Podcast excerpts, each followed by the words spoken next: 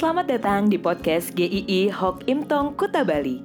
Penginjil Ray Reginaldi akan membagikan renungan harian singkat untuk membawa Anda mengenal dan menyembah Tuhan Yesus, bertumbuh dan menjadi murid Kristus, serta berdampak untuk banyak orang.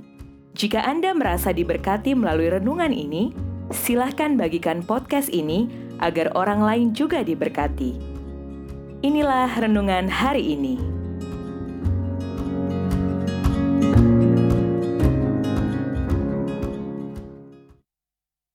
Hambanya bagian ketiga. Lukas 17 ayat 10 Hendaklah kamu berkata, kami adalah hamba-hamba yang tidak berguna, kami hanya melakukan apa yang harus kami lakukan. Di restoran-restoran tertentu, kita bisa melihat ada penghargaan-penghargaan untuk pegawai teladan di bulan-bulan tertentu.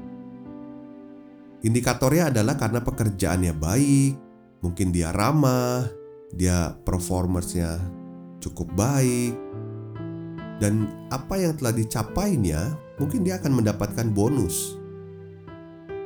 Namun panggilan kita sebagai hamba Tuhan, kita hanya melakukan apa yang harus kita lakukan. Tidak lebih dari itu, jangan mengharapkan apa-apa dari itu karena kita tidak sedang bertransaksi dengan Tuhan. Terlalu besar anugerah Tuhan dalam hidup kita, maka hamba itu tidak seharusnya mencari nama atau kemuliaannya sendiri. Kalimat yang cukup mencengkangkan kita baca tadi, kami adalah hamba-hamba yang tidak berguna. Mungkin ini terdengar kasar dan sangat rendah, tetapi ini menunjukkan satu panggilan hidup suatu ketidakberhakan atas apa pun. Ini menarik sekali. Banyak orang salah kaprah bahwa melayani Tuhan tujuannya adalah untuk mendapatkan sesuatu nantinya. Entah itu kehidupan ekonomi yang lebih baik, nama besar yang didapat, pujian di sana-sini, promosi-promosi, bahkan di-endorse oleh produk-produk tertentu.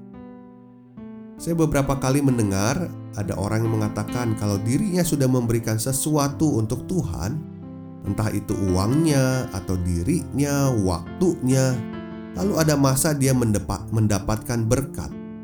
Kemudian dia menyaksikan dengan mantap sekali. Memang Tuhan tidak pernah berhutang kepada kita. Dia pasti memperhitungkan pengorbanan kita.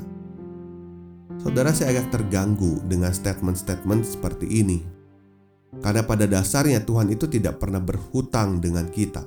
Kitalah yang berhutang kepada Tuhan. Seakan-akan ada pandangan kalau kita sudah memberi hidup, uang, waktu kita untuk Tuhan, berarti Tuhan punya hutang kepada kita untuk membalasnya, bukan setara tapi berkali-kali lipat.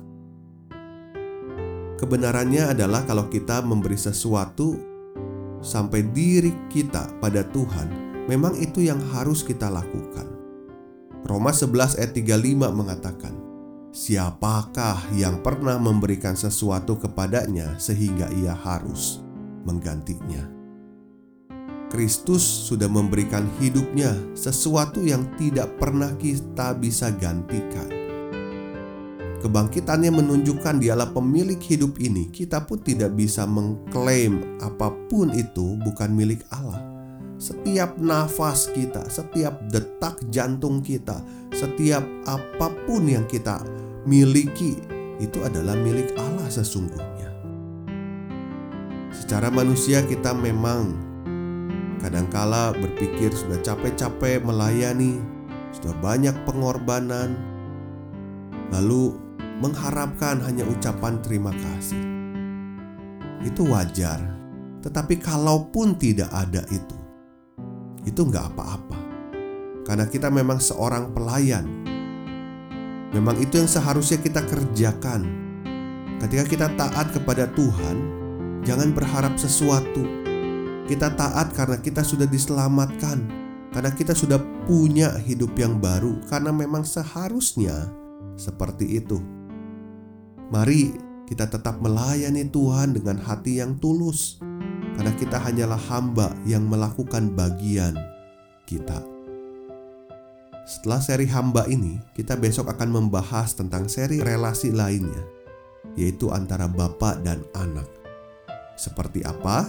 Sampai jumpa besok. Tuhan memberkati.